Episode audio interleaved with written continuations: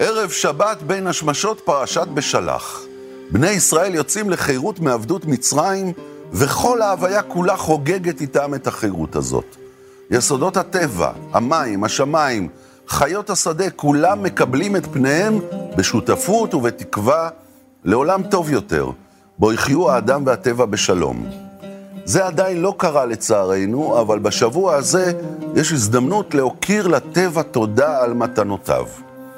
ט"ו בשבט, יום שמחת האילנות הוא חג שיסדו חכמי הקבלה היהודית במאה ה-16 כדי לומר תודה על העץ ועל האדמה. את המסורת הזו גם אנחנו נקיים כאן בסדר ט"ו בשבט. עם ארבעה אורחים נבדוק איתם ביחד את השאלה הגדולה, האם האדם עץ השדה? האם עץ השדה דומה לאדם?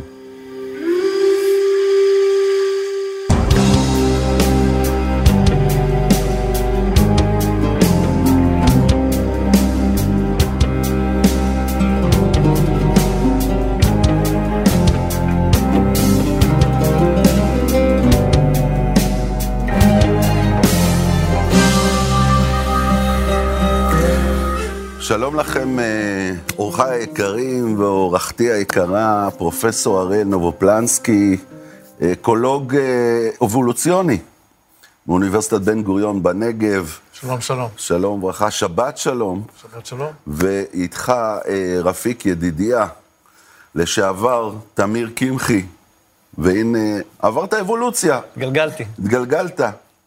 אתה גם כן איתנו לדבר על... על מה קורה לחברה שלנו בתוך העולם הזה של, של הצריכה והמכה שזה נותן לסביבה. ואיתכם, נאיה בארט, שגם מוזיקאית וזמרת, ואחת המיילדות המשובחות בארץ, כך שמעתי. דולה, דולה. דולה. מיילדת, כמו מרים הנביאה פה בסיפור של יציאת מצרים, ואיתך בן זוגך, גם כן, יאיר, יאיר בארט. מוזיקאי, מחנך, עוסק בחינוך ל... לעולם היער, בשומרי היער. תודה לכם שבאתם, שבת שלום. שבת שלום. אז כאדם עץ השדה, אני אתחיל איתך, אריאל, בבקשה. אתה חקרת ופרסמת מחקרים מאוד חשובים שהתפרסמו בעולם על זה שבאמת יש דברים שמחברים בין האדם לעץ השדה, ולא רק במובן המטאפורי, הסמלי. אלא ממש. כן, בעלי חיים מדברים, חשים, מגיבים, מתכננים אפילו לעתיד. אז האדם עץ השדה מבחינתך? הצמחים עושים את כל הדברים האלה בצורה טובה מאוד, בניגוד לבני אדם ויונקים אחרים, שכאילו אנחנו מחשיבים אותם כבעלי חיים מאוד משוכללים. צמחים עושים את זה בצורות אחרות. אגב, לא רק צמחים, אלא גם חיידקים ווירוסים ופטריות. כל מה שמסביבנו שחי, נוקט בדברים האלה. ומה שהם עושים, הם עושים כל דבר אפשרי בכדי ללמוד. ללמוד את סביבתם, וכדי להגיב בצורה הכי מתאימה, כדי שהם ישרדו יותר טוב ויעמידו יותר צאצאים. ומבחינה זאת, זה לא משנה להם כל כך מאיפה המידע מגיע. המידע יכול לבוא מהשמש, מה... זרדים, מהמים, מהאוויר. מהמים, מהגזים שנמצאים באוויר, וזה יכול להיות מהשכנים שלהם שעומדים וצומחים לידם. אבל אתה אומר גם שהם מתקשרים, למשל, כן. שאם יש סכנה שמאיימת על איזשהו צמח, אז הוא גם הוא יכול להודיע את זה לצד האחר של עצמו, נגיד אם זה עץ גדול, אז לצד השני של העץ, אבל הוא גם יכול להודיע את זה לעצים שכנים, וחלקם אפילו לא מהמשפחה שלו, לא נכון, חברים שלו נכון, אפילו. נכון, נכון. זה אומר שהוא גם יצור חברתי. מבחינות רבות כן, ובמקרים רבים הצליחו להראות דבר כזה, כאשר לצמח, במקרה שלנו, וזה לא משנה כרגע, זה היה יכול להיות גם חיידק, קורה משהו, זה יכול להיות משהו רע, בדרך כלל החדשות המשמעותיות הן חדשות רעות, שמשהו כן. רע... יש אומר, מזיק, מזיק, אין כן, שמש, כן, אין מים. כן, יש מלח, רעל באדמה. חסר משהו, כן? הצמח מגיב, ובין היתר, חלק מהתגובות שלו גורמות לו להפריש או להפיץ למרחב שלו מידע. Mm. המידע הזה יכול להיות כימי, הוא יכול להיות גז שמתפזר באוויר, זה יכול להיות כימיקל שמתפזר בקרקע, אה, וזה יכול להיות אפילו אותות חשמליים, ומי שעומד לידו, צמחים שגדלים לידו, אם המידע הזאת, אה, הזה הוא רלוונטי עבורם, כלפי, עבור התפקוד שלהם, שלהם, כן. עבור התפקוד שלהם, במהלך האבולוציה, מהלך של ברירה טבעית, הם נבראו ככה שהם ינצלו את המידע הזה. אבל לא רק אה, בדורות הבאים, נכון? לא, ממש באותו רגע. בגלגול כמה- הזה, מה תוך כמה- שנקרא. לפעמים תוך כמה דקות. לפעמים תוך כמה אז דקות. מה ההבדל בין, אז אין הבדל בין האדם לבעלי חיים אחרים, כמו צמחים, כמו בקטריות, מה ההבדל בעצם? זה הבדל ב... בכמה, בכמה מחשבה יש? יש הרבה מאוד הבדלים, אבל לא במובנים העקרוניים הללו. זאת אומרת, העיקרון שלפיו אה, אורגניזם אוסף כמה שיותר מידע מסביבתו ומשתמש בו בכדי לתפקד יותר טוב, הוא אה, חוצה ממלכות בטבע ומתייחס לכל יצור ביולוגי שחי על הפלנטה הזאת. ולא בכדי. זאת אומרת, אה, בוודאי שברירה טבעית אה, גרמה לכך שהמוצלחים ביותר מאלה שעושים כך, יהיו בינינו, יחיו מה בינינו. הגילוי שלך הגדול בתחום הזה? הגילוי שלי היה בכמה היבטים, למשל שצמח יכול אה, לחוש האם בסביבתו הקרובה עומד קרוב משפחה שלו, או אם שורש אחר שנמצא בסביבה הוא שורש ששייך לו, ואז הוא לא יריב איתו, לא יילחם בו, או שזה שייך לשכנו, ואז הוא כן יריב איתו. כן? אז אנחנו מכירים את זה, שאנחנו מנסים לדחוף כליה למישהו שמקבל תרומה, ואז הגוף שלנו דוחה. את זה. זאת אומרת, ההכרה של מה עצמי ומה לא עצמי מוכרת ביצורים שדומים לנו, אבל יש את זה גם בצמחים. תגיד, אז בעצם מבחינתך, מותר האדם מן הצמח עין? אה, במובנים האלה ממש לא. אה, היכולות האלה קיימות, היכולת לחוש, היכולת לאסוף מידע, היכולת לאבד את המידע בלי מוח. לא צריך מוח בשביל זה. היכולת ללמוד ולזכור את המידע ולהשתמש בו אחר כך, בעתיד. קיים גם ביצורים חסרי מוח. היו מדענים שקראתי שקובעים שאפשר להסתכל על היער, למשל, על יחידה אקולוגית שלמה, כמערכת אחת. נכון. ואז בעצם להגיד, זה כן מוח, יש פה מוח, מערכת חשיבה שהיא אומנם מפוצלת על המון, על אלפי קילומטרים אולי, כן. והיא כוללת מינים ובעלי חיים מסוגים שונים, אבל זו מערכת אחת, זה בעצם מוח. מה שאצלנו פה בקופסה, אצלם על 100 קילומטרים. אפשר להסתכל על זה ככה? אפשר להסתכל על זה ככה ואפשר ללמוד את זה ככה, ואז אפשר לבדוק האם הטיעון הזה אוחז או לא אוחז מים. זאת מים. אומרת, מים זה. נושא חשוב. כן. זאת אומרת, אפשר לבדוק באם אה, מישהו, אה, צמח במקרה הזה, נמצא מול אתגר כלשהו, והוא מצליח לפתור אותו יותר טוב, בצורה יותר מוצלחת, בעזרת זה שהוא משתף אה, או עברים אחרים של, של עצמו, או שמגיע למסקנה של פעולה, לא בשיטה מוחית, כן? אה, מטעם זה שהוא אסף מידע מסביבתו, מהצמחים שלידו, מחלקים אחרים של עצמו. עוד בדרך, עוד לא בדקו את זה. בדקו, בדקו, יש לנו אז הרבה מה מאוד... המסקנות? המסקנות שבחלק מהמקרים, בהחלט כן. אז הוא חושב, אז, אז יש מכונת חשיבה גדולה של העצים והיערות, ואנחנו חושבים שאנחנו באמת אה, צלם אלוהים, משהו מיוחד. אני לא בטוח שאני מסכים עם ההגדרה הזאת של מוח, כי אין שם מוח. אין שם מה אתה מגדיר נוירונים. מוח? כן, אתה אומר, יש שם איזה מכונת חשיבה. מכונת חשיבה. יש? שם בהחלט מנגנון ביולוגי, אה, ובסקלות שונות, כן? החל מה, מהתא הבודד, או מולקולה, או צבר של מולקולות בתוך תא, וכלה בעברון או איבר, וכלה באורגניזם, הש- וממשיך באורגניזם השלם, וממשיך אחר כך בתקשורת בין יש גם אורגניזמים אנשים שונים. עם רמות שונות של אה, יכולות אה, מחשבתיות. מה שאתה אומר עכשיו זה שאלה מאוד מעניינת, האם אם יש אינטליגנציה לצמחים, ויש אינטליגנציה לצמחים, איך אפשר למדוד אותה, ואפשר למדוד שונות בין פרטים באותה אוכלוסייה, האם חלקם חכמים או אינטליגנטים יותר מאחרים. יש להם שאלה- רגשות? כואב להם שחותכים את החסה? אה, זה לא במובן הנוירולוגי, אבל בהחלט הם חשים שחותכים אותה. חשים. חשים לגמרי. וששרים להם הם אוהבים? יש, יש עדויות מעורבות בעניין הזה, אה, יש טענות של מחקרים לא מדעיים משנות ה-60 וה-70, אי אפשר היה לאושש את זה מדעית, אבל בעצם אין סיבה להניח מראש שמשהו כזה לא קיים. תחשוב מה יקרה אם יגל, יגלו את זה שיש להם רגשות. אז כל אלה שלא אוכלים בשר גם יפסיקו לאכול אה, חסות. ומה מרגישה הכוסברה כשאנחנו חותכים אותה. כן, יש דיבורים כאלה. עצובה התאנה נכון, עכשיו. יש דיבורים כאלה, וחלקם באמת בהומור או בסרקזם, וחלקם ברצינות. זאת אומרת, דיונים פילוסופיים, הפילוסופים ש... שעוסקים ביכולות של צמחים לחוש וללמוד ולהחליט, עוסקים גם בשאלות האלה, ואם זה יביא מישהו לא לאכול צמחים, אני חושב שזה קצת מוגזם. אה, אבל אני חושב שהשיקולים שקשורים במה שבן אדם אוכל או לא אוכל, מסתמכים על שיקולים ערכיים אחרים. או אפילו שיקולים מדעיים אחרים, למשל, השיקול האקולוגי. לא Mm. שזה לאכול גם בעלי כן עניין גדול. וברשותך, אה, פרופסור רוב פלנסקי, נעבור אה, אה, לרפיק ידידיה. ש, שבאמת אתה הרבה שנים עוסק בעולמות שקשורים בהשתלבות בטבע. היית פעם אפילו ברשימת עלי ירוק לכנסת. נכון, היום אתה עושה הפוך, אתה גומל אנשים מעלי, מעלים ירוקים. נכון. אתה עוסק בהתמכרויות וכדומה. אה, אבל רציתי לדבר איתך על, על המצב של העולם היום. כן, העולם היום, איך היית מגדיר אותו? כמכור? כסובל מהתמכרות?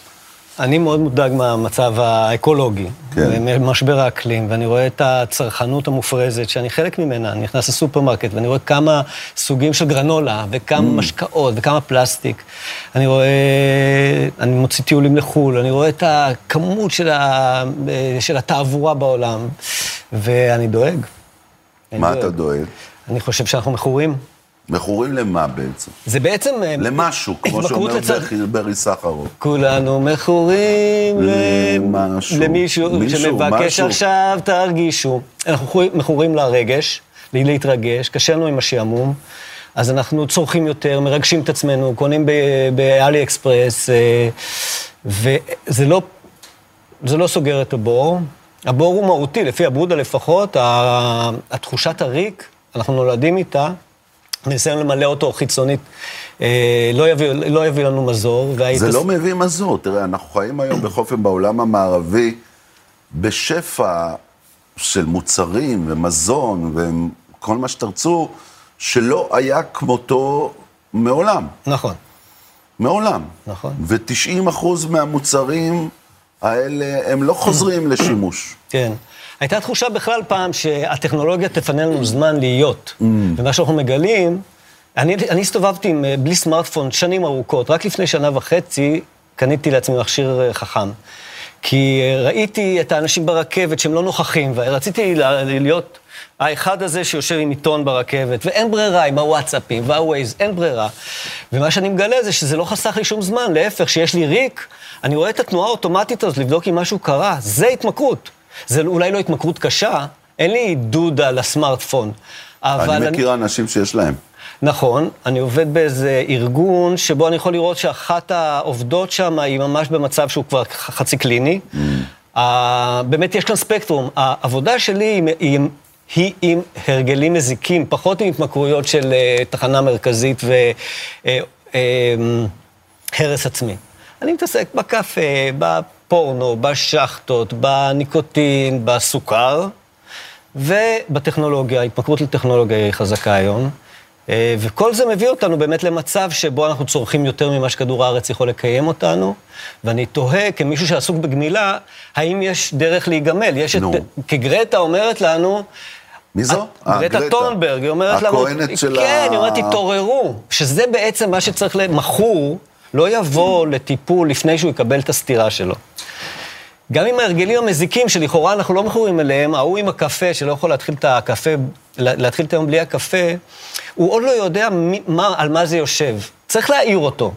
אז העבודה של הבודהיזם, העבודה תודעתית, מבקשת ממך ל- ל- להביט בהרגליך ולשנות אותם. להיות יותר מודע למה מנהל אותך, לא להיות אוטומט.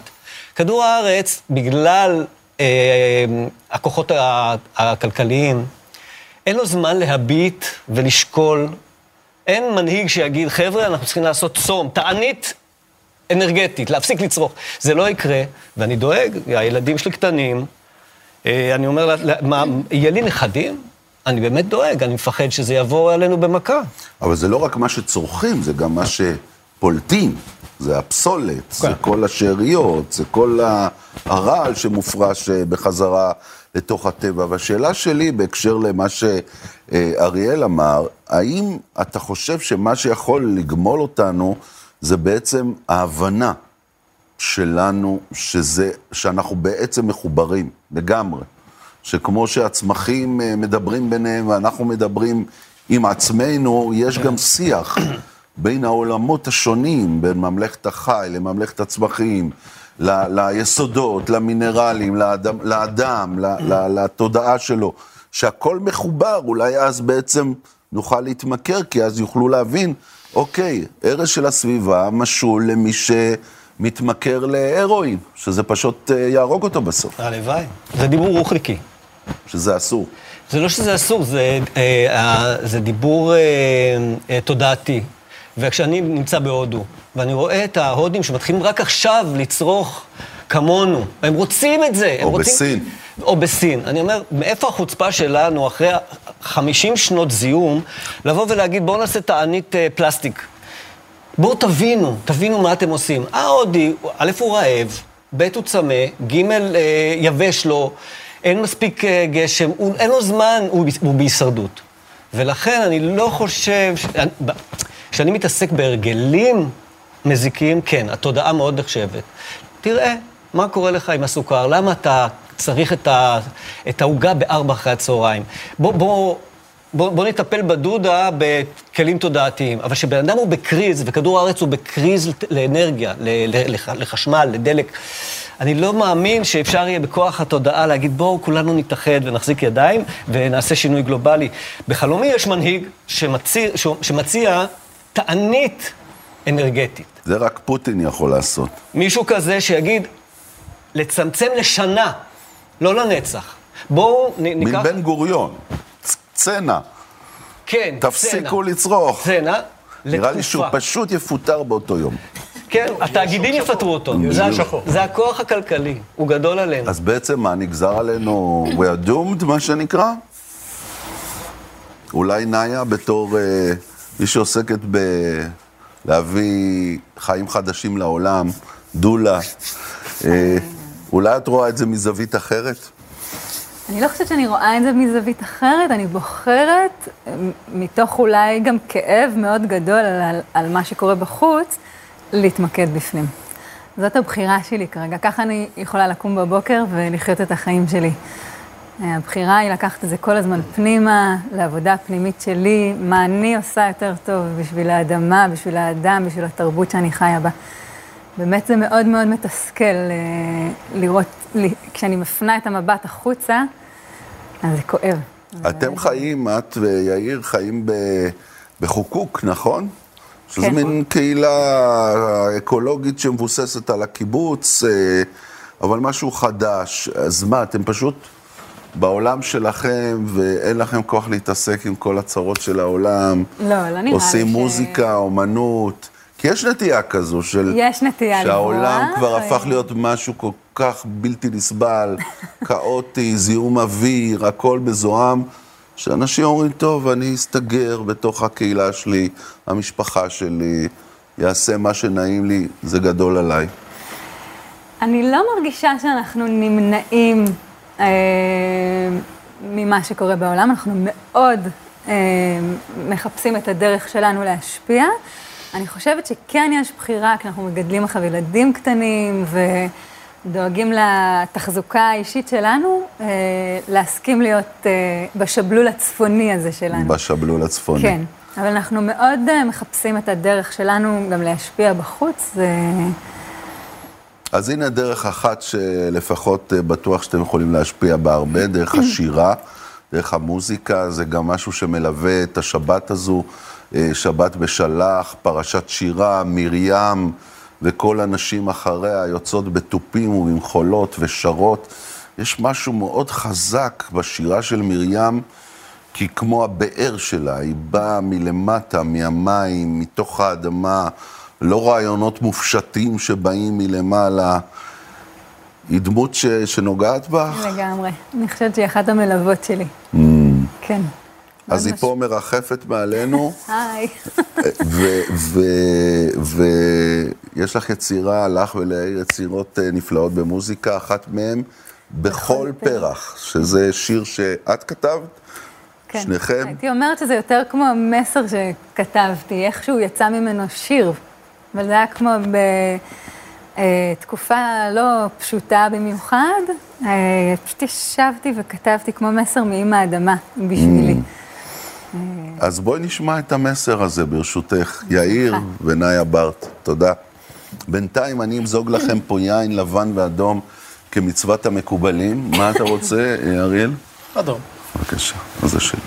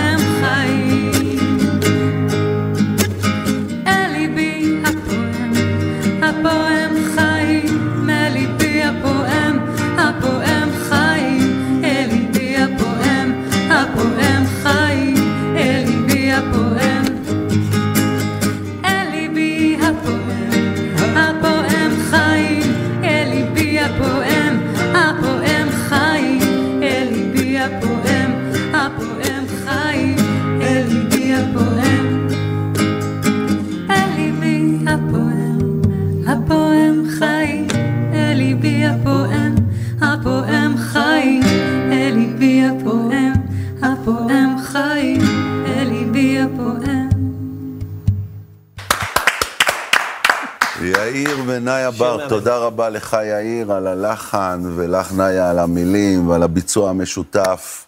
אנחנו עכשיו נצא להפסקה קצרה, ותכף נשוב אליכם עם סדר ט"ו בשבט, עם עוד שיחות על חיים, בני אדם וצמחים. שבת שלום לכם, אתם איתנו בבין השמשות לרגל ט"ו בשבט, פרשת בשלח, פרשת שירה. אנחנו פה מדברים על האדם עץ השדה ועל הדרך שבה האדם ועץ השדה והטבע בכלל יכולים לתקשר ולחיות אה, יותר ביחד. נתחיל הפעם אה, בך, יאיר ברט, אה, תודה על השיר הנפלא, שהבנתי שהפך להיות המנון כזה של לידות, של הלוויות להבדיל. כן, בקהיל, בקהילות מסוימות הוא מאוד מפורסם, ושיר שליווה אנשים, כן, ברגעים מאוד משמעותיים. חושב שזה באמת אה, גם המסר שעבר ככה דרך נאיה, וביחד עם הלחן ה... עם הרבה לב בתוכו, יש בו איזה משהו, ככה שמעתי אנשים שהשתמשו בו בלוויות ובלידות, ברגעים, ברגעי מעבר. ברגעי מעבר חשובים, שצריך לש... לשחרר בהם. אתה גם עוסק בחינוך אה, אה, לאקולוגיה, נכון? מלמד ילדים אה, להאזין לציפורים, איך ללכת ביער בלי שישימו לב. זאת אומרת, יש עכשיו חינוך לדבר הזה, משהו שלא היה מקובל פעם. נכון, אני עכשיו אה, באמת בקורס של מורים, של שומרי הגן, ו...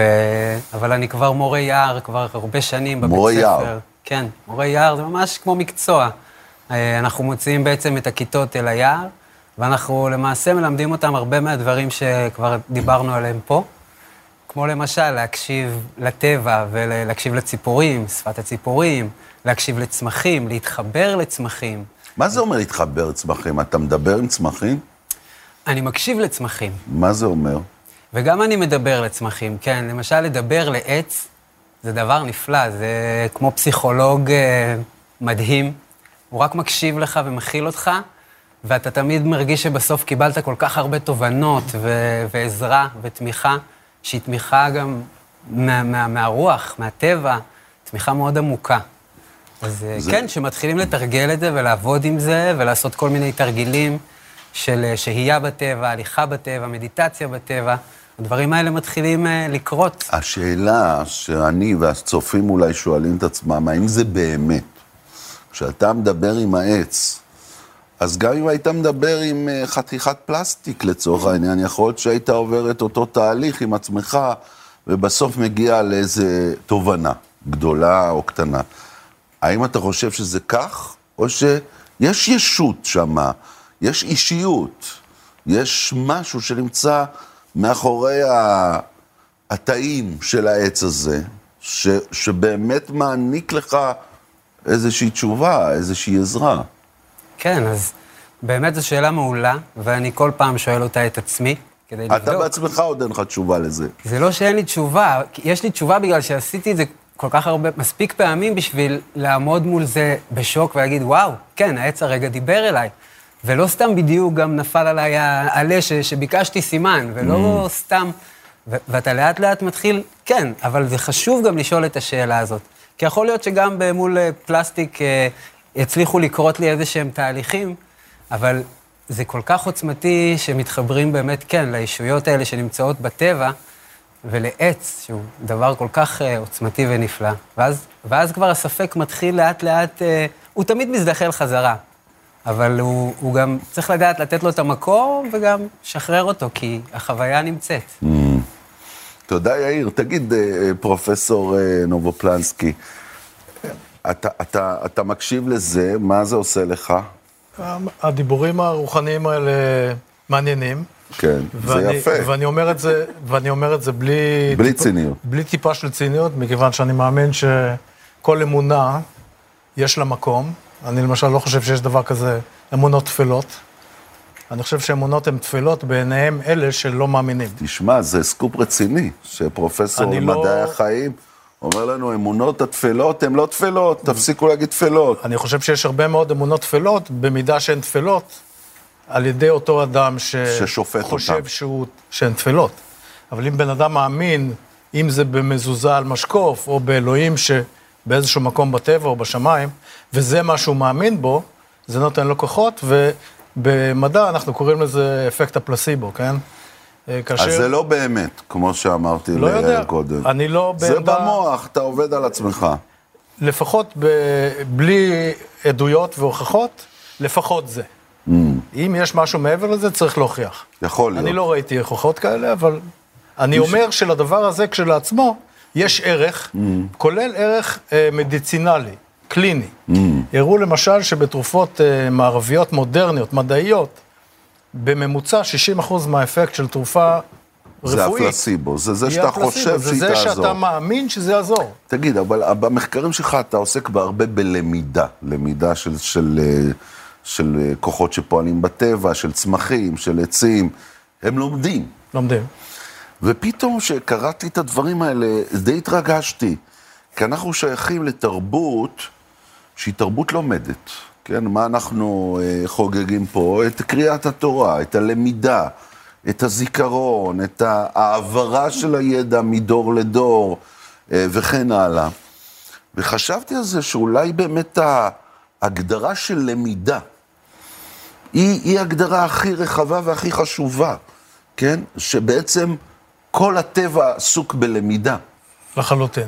אם זה, יש זה, דבר זה, אחד... זה, זה טבע לומד, הוויה לומדת. לחלוטין. כל יצור ביולוגי, או כל מערכת ביולוגית, כמעט מה שמגדיר אותו ככזאת, זה מערכת שלומדת. עכשיו, אתה יכול להגיד, איך זה יכול להיות שחיידקים, או וירוסים, או פטריות, או כל מיני יצורים שאנחנו מתייחסים אליהם כאל נחותים, סליחה על המילה, לומדים. כל יצור ביולוגי לומד מעצם העובדה שהוא קיים, ולו בלבד שהוא עובר אבולוציה ש, אה, של ברירה טבעית. כשיש אבולוציה וברירה טבעית, זאת אומרת שתכונות מסוימות שמעניקות אה, אפשרות להתמודד עם המצבים בטבע בצורה יותר טובה, האוכלוסייה לומדת. זו הצורה הכי נפוצה בטבע של למידה. מעבר לכך, יש למידה אישית של האורגניזם הבודד. האחד, האישי כן. הפרטי. האישי הפרטי... הזית הקטן הזה פה, הוא יכול העץ, ללמוד. נכון, נכון. הוא יכול ללמוד, הוא יכול לחוות חוויות במהלך החיים שלו, הוא זוכר אותן, ומשתמש בהן בעתיד. זאת אומרת, אם הוא נפגש באיזה אדם שהתאכזר אליו, אז בפעם הבאה שהאדם הזה יעבור לידו, הוא מה, יתכווץ? הוא- זאת דוגמה מצוינת לעדות שאין לנו. שאין לנו. לא, אבל יש לנו עדות לכך שאם הצמח הזה עבר איזושהי טראומה, למשל חיתוך, או יובש, או אה, נחשף למלח, לאיזושהי טראומה כזאת, יש שרידים ממש בפיזיולוגיה שלו, ואפילו סמנים על ה-DNA שלו, כן? לא במה, ברצף של ה-DNA שלו, אלא בכיבוי והדלקה של גנים שלו, שיגרמו לו להיות יותר מתאים למצב כזה בעתיד. זה בן אדם, אה, זה עץ. בן אדם. אה, כן. תמיר, תשים עץ. אותו. רפיק, סליחה, מה אתה אומר על זה? מה? אתה אומר, אה, זה אדם או שאני יותר מדי רוחניקי? לא, הלכת רחוק. הלכתי הלכת רחוק. רחוק. אבל זה חלק מגאיה.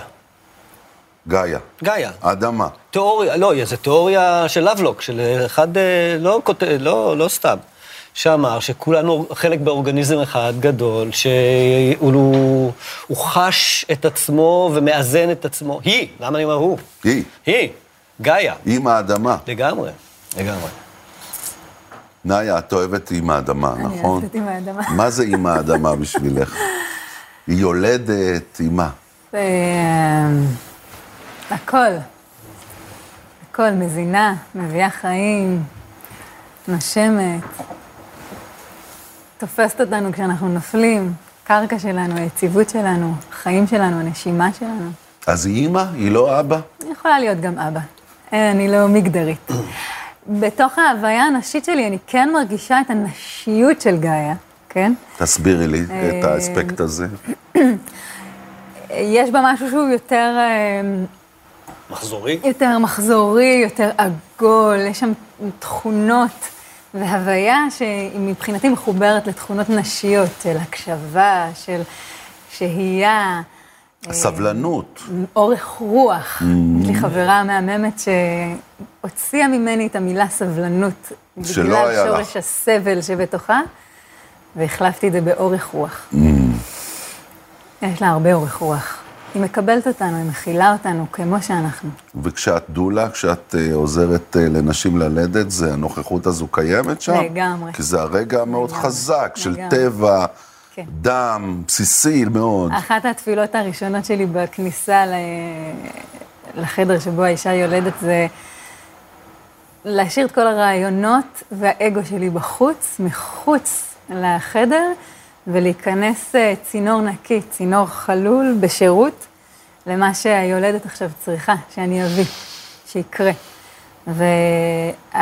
והשאיפה, המקום הוא באמת אה, כמו שהייה. זה לא פעולה, שהרבה פעמים זה לא משהו שהוא מאוד זכרי, שהוא מאוד חותך, שהוא מאוד ישר. יש שם באמת הרבה מרחב עגול, קשוב. יש לי משהו שלם. לספר. סליחה? יש לי משהו לספר בעניין. בבקשה. בלידתנו הראשונה, את בתנו, בת העשר, ילדנו, רצינו לידה טבעית, והמיילדת שם מההתחלה, לא היה שם קשר טוב בין היולדת למיילדת, כי היא עבדה על לדחוף. וזוגתי, רותי הנבונה, למדה מדיטציה ויוגה, והיא רצתה להתחבר ללידה מהנשימות, ולאפשר לילדה לצאת לבד, ושם נהיה קרב בתוך חדר הלידה, דבר שאמור אמור לא לקרות. פשוט היא סילקה את המיילדת באיזשהו שלב, ואחר כך גם היה ממש צרימות, כי היא לא השאירה את האגו בצד, והיא באמת רצתה לקדם את הלידה. והייתה שם איזו תחושה אבל פה שזה אנחנו לא משרת. נכנסים לעולם אה, שדיברנו עליו, העולם הצרכני, העולם יש של עוד בתי יולדות החולים, בתור, שכל כן, יולדת זה כן. סכום מסוים בתקציב, וצריך לתקתק את זה. אז ו- הלידה השנייה הייתה בבית בתוך אמבטיה גדולה. מדהים. כן. מדהים. אני חושבת שגם, אני כן רוצה ככה, אה, מתוך המקום ש... שגם מרגיש שהוא מ- מייצג, אה, שבאמת מע- מערכת הבריאות בישראל היא, היא כנראה התקציבים שם, אני לא יודעת בדיוק להגיד, אבל המיילדות עושות כמה שהן יכולות. ויש מיילדות מדהימות, וגם יש אה, תנועתיות מדהימה ולמידה מהממת של מיילדות ללמוד יותר ויותר ולהביא פתיחות. השיטות החדשות, להב- הישנות. כן, איך אבל אני בעצם יכולה... זה לי- לחזור לטבע. כן. זה להחזיר ליולדת את האינסטינקטים שלה. כן. מבחינתי, מה שאני הייתי רוצה להעביר לכל יולדת זה איך היא מצליחה אה, לפנות מקום, לתת להסחות הדעת לחלוף ולהתחבר פנימה לאינטואיציה ולאינסטינקטים הבריאים שנמצאים בתוכה. נראה לי שהשיר אה, הבא שתשירו ותנגנו, אה, הוא קשור לזה, נכון?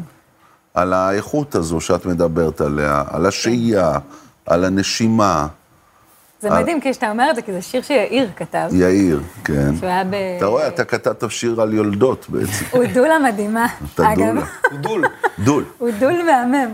יופי. היה נוכח בשלוש לידות מופלאות. זה... הוא יכול. אז השיר הזה, איך הוא נולד? השיר הזה בכל נולד- נשימה, כן. בכל נשימה, כן.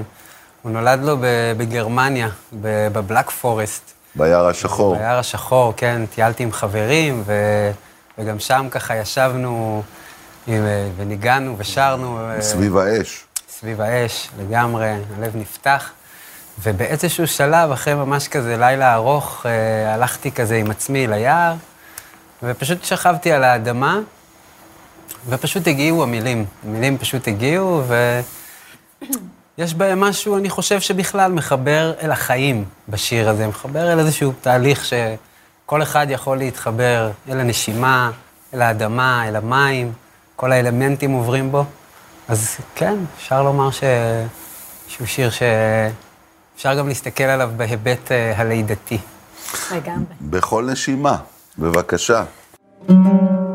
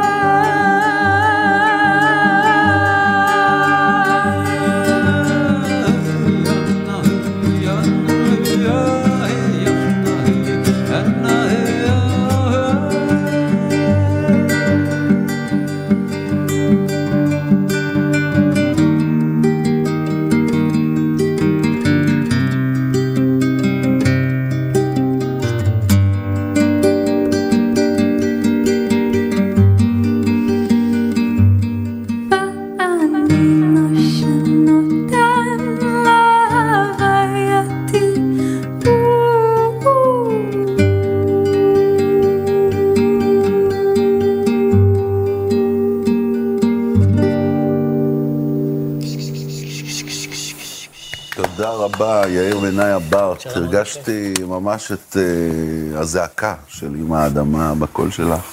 תודה שהעברת לנו את זה.